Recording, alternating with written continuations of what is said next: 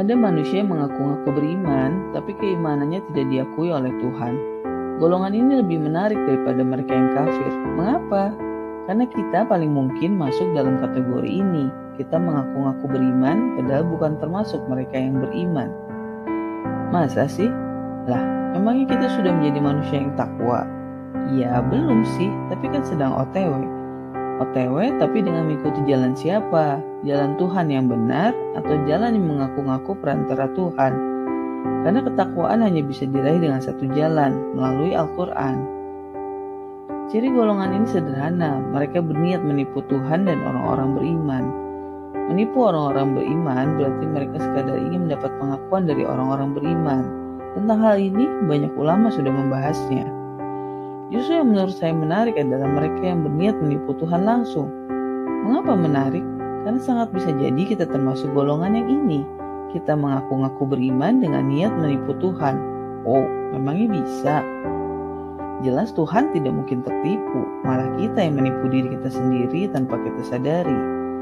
Kita merasa aman dari siksanya karena merasa telah beriman. Eh, ternyata kita tetap terkena siksanya karena pengakuan keimanan kita tidak diakuinya. Sungguh mengerikan ya.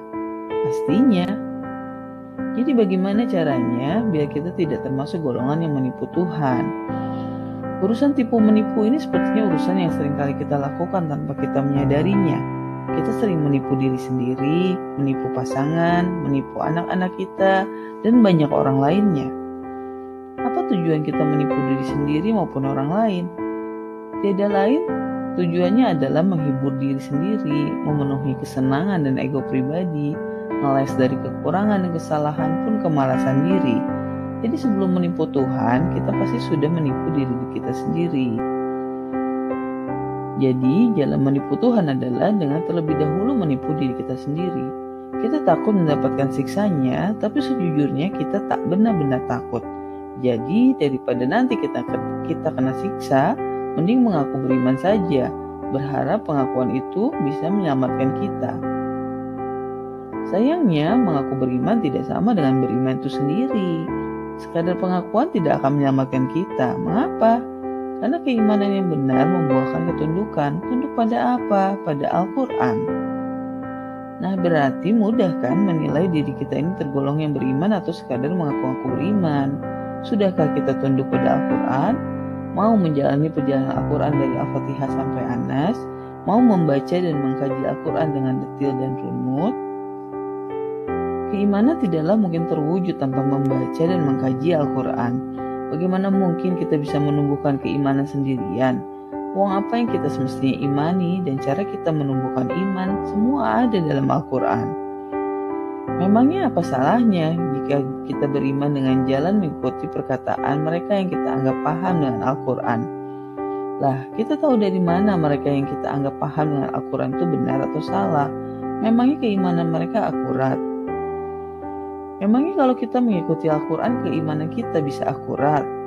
Banyak yang melarang kita belajar langsung dari Al-Quran karena justru katanya bisa tersesat kalau kita tidak berguru pada orang lain yang paham lah, kita bisa menilai dia paham atau tidak berdasarkan apa? Perasaan semata.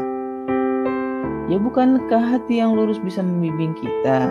Iya, hati yang lurus akan membimbing kita kepada kebenaran. Kebenaran itu tidak lain adalah Al-Quran. Maka jika kita merasa hati kita lurus, pasti kita akan merasa aman dan nyaman dengan semua yang dipaparkan Al-Quran, lalu mengimaninya. Jadi tak perlu lagi mengelak kalau dituduh sebagai orang yang sekadar mengaku-ngaku beriman. Jika kita belum memulai perjalanan dengan Al-Quran, akui saja diri kita ini memang hanya mengaku-ngaku beriman, sekadar berniat menipu Tuhan agar terlepas dari siksanya.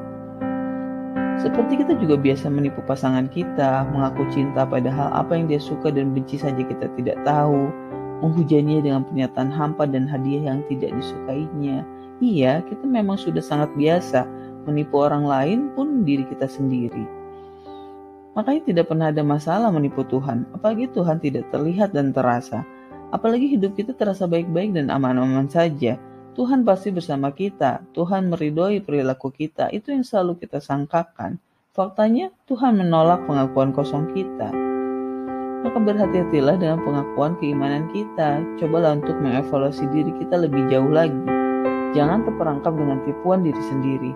Berhenti mengaku-ngaku beriman. Lebih baik mengaku tidak beriman jika itu bisa menghantarkan kita pada keimanan sejati.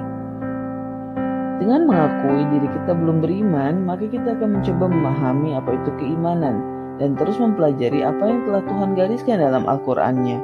Masalahnya, beranikah mengakui kalau diri kita ini belum beriman?